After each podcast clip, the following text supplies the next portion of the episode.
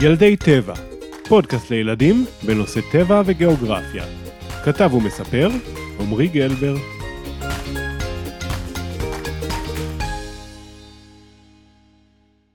היי hey, ילדים, מה שלומכם? את הפרק הקודם סיימנו עם נחש הצפה, הנחש הלאומי של ארץ ישראל. טוב, את האמת, סיימנו אותו בהאזנה ליותר מ-20 ילדים, וגם בפרק הזה נמשיך עם ההקלטות שלכם. אבל בואו בינתיים נחזור לצבע. יש כמה סיבות לכך שהצבע נחש כל כך מפורסם. הוא הנחש הארסי והארוך ביותר בישראל, וגם ההרס שלו חזק. תנועת ההקשה שלו מהירה, דבר המאפיין את משפחת נחשי הצבע. ולא רק שהיא מהירה, היא אפקטיבית למרחק של כשני שליש מאורך גופו, יותר מרוב הנחשים.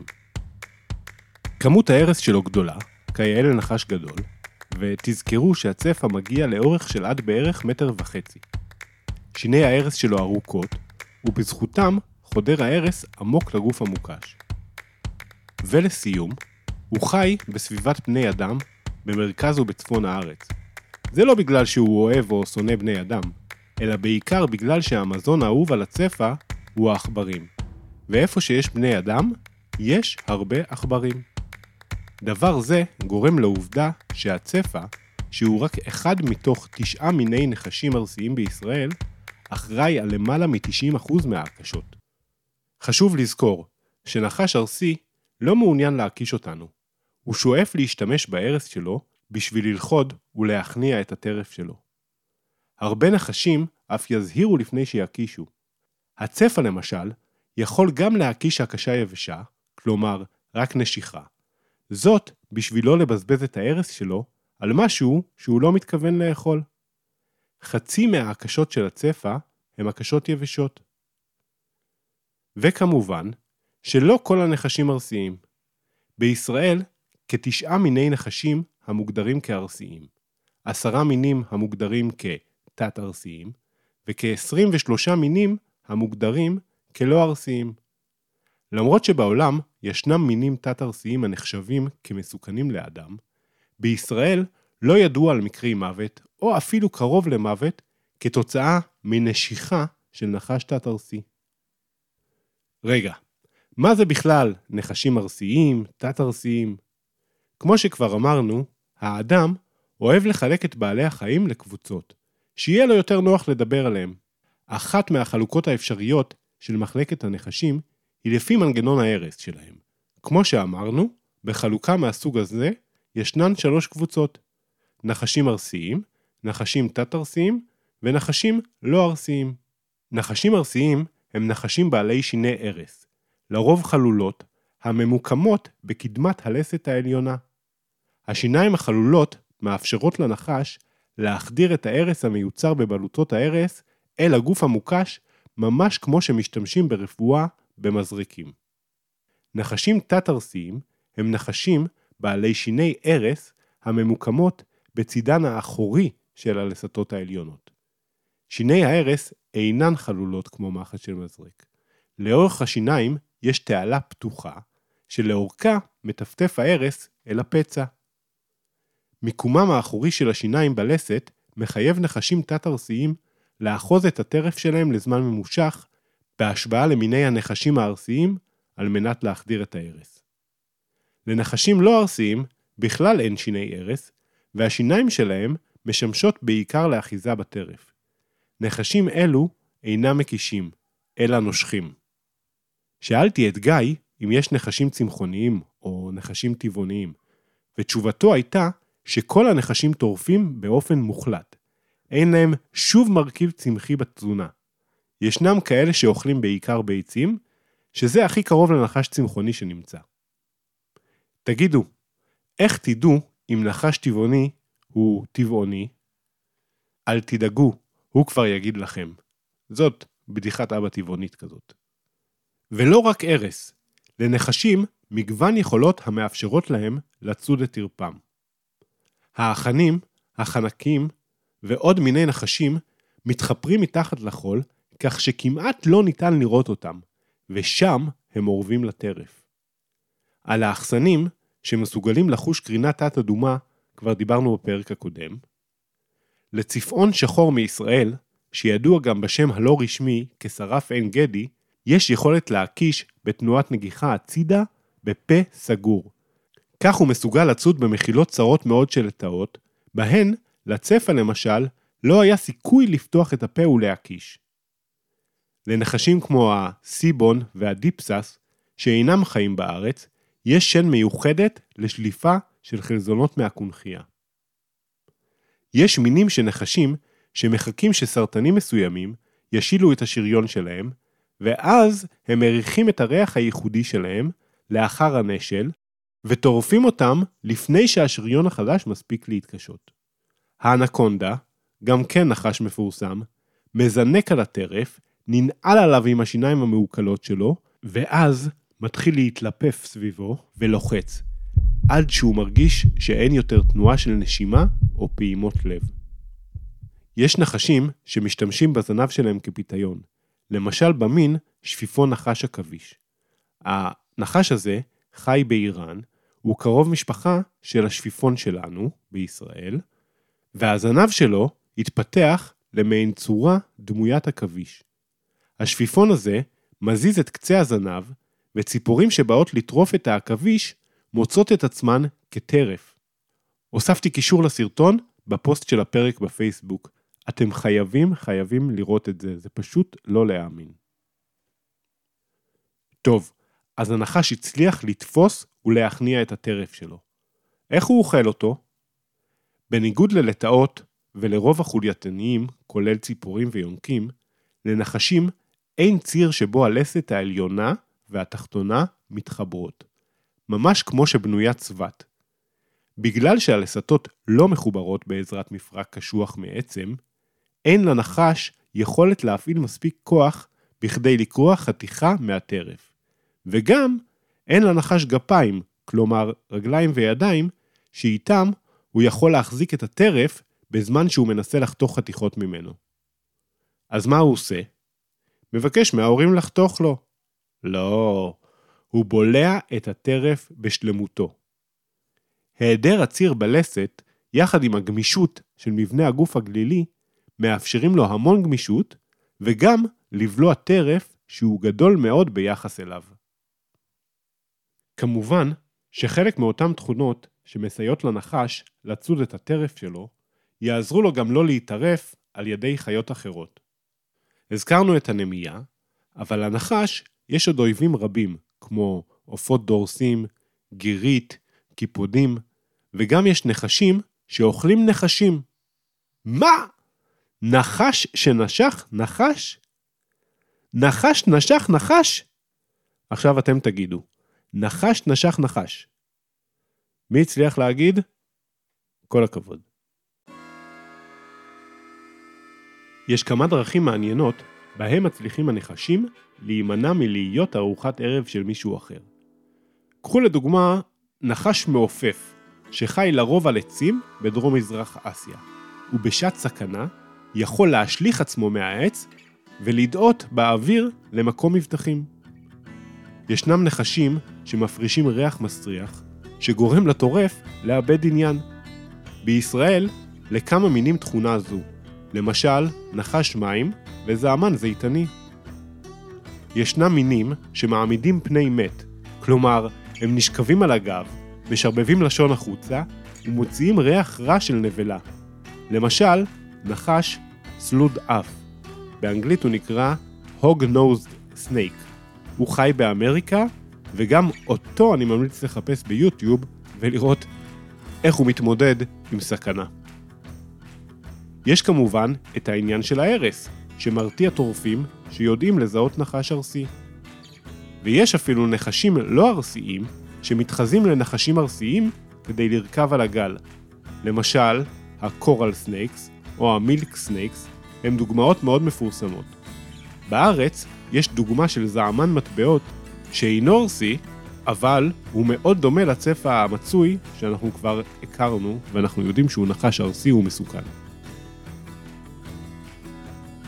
יש נחשים שיוצרים רעש מפחיד כמו נשיפה, למשל הצפע, או שיפה, שזה חיכוך הקשקשים ככה שנוצר רעש די מפחיד. האחנים, או נחש האפעה, עושים את הרעש הזה. וגם, יש נחשים שמותאמים לפורים. וזה לא בגלל שהם מתחפשים, אלא בגלל שיש להם זנב עם רעשן, כמו במקרה של האחסן, או באנגלית, הרטלסנייק. נחש מאוד מפורסם ומוכר. טוב, זו רשימה ארוכה, ואלו רק מספר דוגמאות קטן.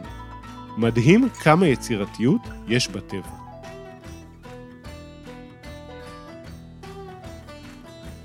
אנחנו ממש לקראת סיום הפרק, ולפני שנשמע למה לא כדאי לפגוע בנחשים, ביקשתי מגיא שישתף אותנו בחוויה כלשהי מבין החוויות הרבות שלו. אתם ממש תאהבו לשמוע את הסיפור שהוא מספר. גיא, בבקשה. את הנחש הראשון שלי אה, קיבלתי בכיתה ג' מאבא של חבר. הוא היה נהג משאית של תוצרת חקלאית, ומדי פעם הוא היה מוצא במשאית אה, נחש שנאסף עם כל היבול. הוא ידע שאני מאוד אוהב נחשים, אז לחד את הנחשים והביא לי אותם בבקבוק ריק של קולה. לא הבנתי כל כך הרבה בנושא, אבל ידעתי כבר אז שהנחש הראשון שהוא הביא לי היה צפה מצוי, שהיה בערך באורך של 40 סנטימטר. בתור מגדל מאוד לא מנוסה, בכל זאת הנחש הראשון שלי ואני רק בן תשע, שמתי אותו באקווריום המיועד לדגים. על האקווריום הנחתי ספרים. חשבתי שזה יספיק כמכסה, עדיין לא הבנתי כמה נחשים אלופים בבריחה מכלובים.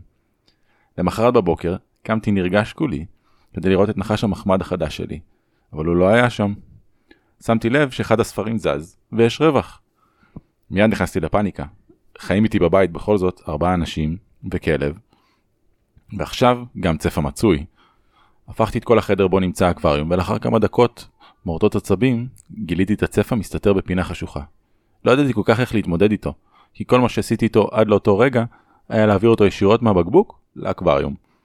רצתי לחדר הארונות של ההורים ושלפתי כפפות אור דקות ואופנתיות, שנשארו להם איזה טיול בארץ קרה. חשבתי שזה יגן עליי מהקשה. איכשהו הצלחתי ללכוד את הנחש מאחורי הראש, ובמזל לא הייתי צריך לבדוק את איכות הכפפות האלה. רק היום בתור אדם בוגר, כשאני מסתכל אחורה, אני מבין כמה זה היה משוגע. מילא העובדה שהיה מדובר על בעל חיים מוגן, דבר שלא ידעתי באותו זמן, אבל מדובר גם על בעל חיים שבהחלט יכול לגרום לפגיעה חמורה ואפילו מוות, במידה ומצליח להקיש. היום אני גם יודע שלכפפות שהשתמשתי בהן לא היה שום סיכוי למנוע קשה, ושנחשים מגדלים אך ורק בכלים עם סגירה הרמטית, מלבד כמובן חורים קטנים לעברור. אז ילדים, גם אם נראה לכם מגניב לאסוף חיות מן הטבע, או נחשים במיוחד, תזכרו שכל הנחשים בישראל מוגנים על פי חוק, ולכידה וגידול שלהם ללא היתר מיוחד הוא עבירה לחוק. ויש דבר נוסף, ואפילו חשוב יותר, אם אתם לא יודעים לזהות נחשים, או להתמודד עם נחשים ארסיים, אל תסמכו על המזל שלכם כמוני, ופשוט תימנעו מזה לחלוטין, לפחות עד שתגדלו קצת. גיא, תודה רבה על הסיפור. גם חוויה אישית, גם אקשן ומתח, וגם מוסר השכל. סיפור מושלם. חוץ מזה, שהנחשים ממש מרשימים, בואו נבין למה עוד כדאי לשמור על הנחשים. אז נחשים, כמו כל בעל חיים או צמח אחר, הם חלק ממארג החיים. מה שאומר שיש להם הרבה תפקידים בשמירה על האיזון בטבע. בתור התחלה, נחשים הם טורפים, והם עוזרים לווסת את האוכלוסייה של הטרף שלהם בטבע. חלק גדול מהנחשים בישראל ניזון ממכרסמים. עכשיו, אם גידלתם אי פעם זוג אוגרים או עכברים, אתם בטח יודעים כמה מהר הם מצליחים להפוך מזוג אוגרים למאה אוגרים. כאן נכנסים הנחשים לתמונה, ועוזרים לווסת את גודל אוכלוסיית המכרסמים בעולם. האיזון הזה טוב לטבע, ותורם גם רבות לבני האדם, עם פחות נזקים בחקלאות ופחות סיכוי למחלות שמגיעות עם החיים בקרבת ריכוז מכרסמים. הנחשים עושים לנו טובה עצומה בכך שהם אוכלים כמויות גדולות שלהם. בנוסף, הנחשים הם טרף של בעלי חיים רבים, ויש אפילו בעלי חיים שמתמחים באכילת נחשים, כמו החביאי למשל, שהוא עוף דורס גדול ומרשים, שאוכל כמעט אך ורק נחשים, ולכן שמו המלא הוא חביאי הנחשים. ללא הנחשים, הוא ועוד טורפים אחרים של נחשים פשוט לא היו מוצאים מספיק מזון בכדי לשרוד. כבר אמרנו שהנחשים לא אוהבים בני אדם, והם יעשו הכל בשביל לא לפגוש אותנו. אבל מה עושים אם נתקלים פתאום בנחש? אתם יודעים מה? אני אתן למומחית קטנה לעזור לנו. גל חיימוביץ', הבת של גיא, תספר לנו. היי, אני גל חיימוביץ' מכפר סבא. אני מאוד אוהבת להקשיב לפודקאסט של ילדי טבע. רק רציתי להגיד לכם שאם אתם נפגשים עם נחש בטבע, אז תשמרו על מרחק ותהנו מהחוויה. תודה רבה, גל. ילדים, תזכרו, אם רואים נחש, עושים צעד אחורה. נחשים לא רודפים אחרי בני אדם. אז אם יש ביניכם ובין הנחש שני מטר, הסיכוי להקשה או נשיכה יורד לאפס. כמו שגל אמרה, אם אתם בטבע, אתם מוזמנים להסתכל על הנחש מתעסק בענייניו, וליהנות מהחוויה, אפילו אם מדובר בנחש ארסי. ואם אתם באזור הבית, או החצר הפרטית שלכם, או אזור מגורים אחר שבו ישנו סיכוי טוב שמישהו ייתקל בנחש ויוקש, מומלץ מאוד לקרוא ללוכד נחשים מוסמך. יש סיכוי טוב שהרשות המקומית שלכם מספקת כזה בחינם, אז צרו קשר איתם בכדי לוודא. עד שהלוכד מגיע, תשמרו על קשר עין עם הנחש ממרחק ביטחון. כי אם הנחש נעלם לכם, יש סיכוי טוב שגם לוכד מנוסה לא יצליח לאתר אותו שוב. איזה פרק! אני מקווה שלמדתם עוד על נחשים, ואתם יותר מעריכים אותם ופחות מפחדים מהם. גם ילדים וגם הורים. אבל, וזה אבל גדול מאוד, מה שנקרא באנגלית ביג בת. זה שלא מפחדים ממשהו, לא אומר שלא צריך להיזהר ממנו, כמו מהים או מהכביש. צריך להיזהר, ובעיקר ללמוד את הכללים של איך להתנהג בסביבתו, כדי לצמצם את הסכנה למינימום. אז תודה שהקשבתם לפרק השני על הנחשים, ואני מקווה שנהניתם ולמדתם המון. תודה לגל חיימוביץ' שדאגה שאבא שלה, גיא, ישתתף בפודקאסט, ואני מזכיר לכם שגם אתם יכולים לעזור ולמצוא מומחים מעניינים, וגם כמובן, לעזור ולשתף את הפרקים עם חברים. ולפני שנעבור לחצי השני של הילדים שהקליטו לפודקאסט, יש לי חוב למטר, שהיה במפגש בשדה בוקר, ורצה לשתף בחוויה מאחד הטיולים האחרונים שלו. מטר יספר על הביקור שלו במבצר נמרוד. היה לו סיפור על מאובנים, אבל עבר הרבה זמן מאז הפרק בשדה בוקר, והוא החליט לשתף אותנו בסיפור על מבצר נמרוד. אז ילדים, הבמה שלכם, ואנחנו, אנחנו נתראה בפרק הבא. אני מטר מקיבוץ דוברת, ואני רוצה לספר על מקום שאהבתי לטייל בו, מבצר נמרוד בגולן. אה, אבא הסביר לי ש... שהייתי, ש... שב... שבאחד המגדלים שם עשו ביצורים פעם.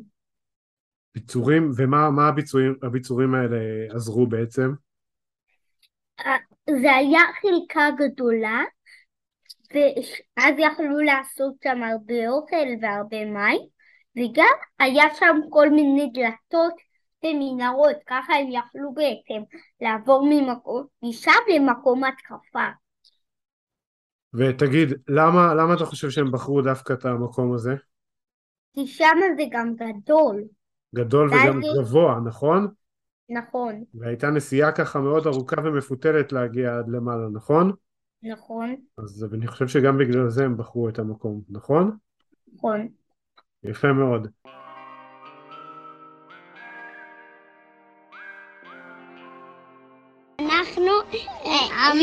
יובל, עמית ויעל מחריש ואנחנו אוהבים לשמוע ילדי טבע.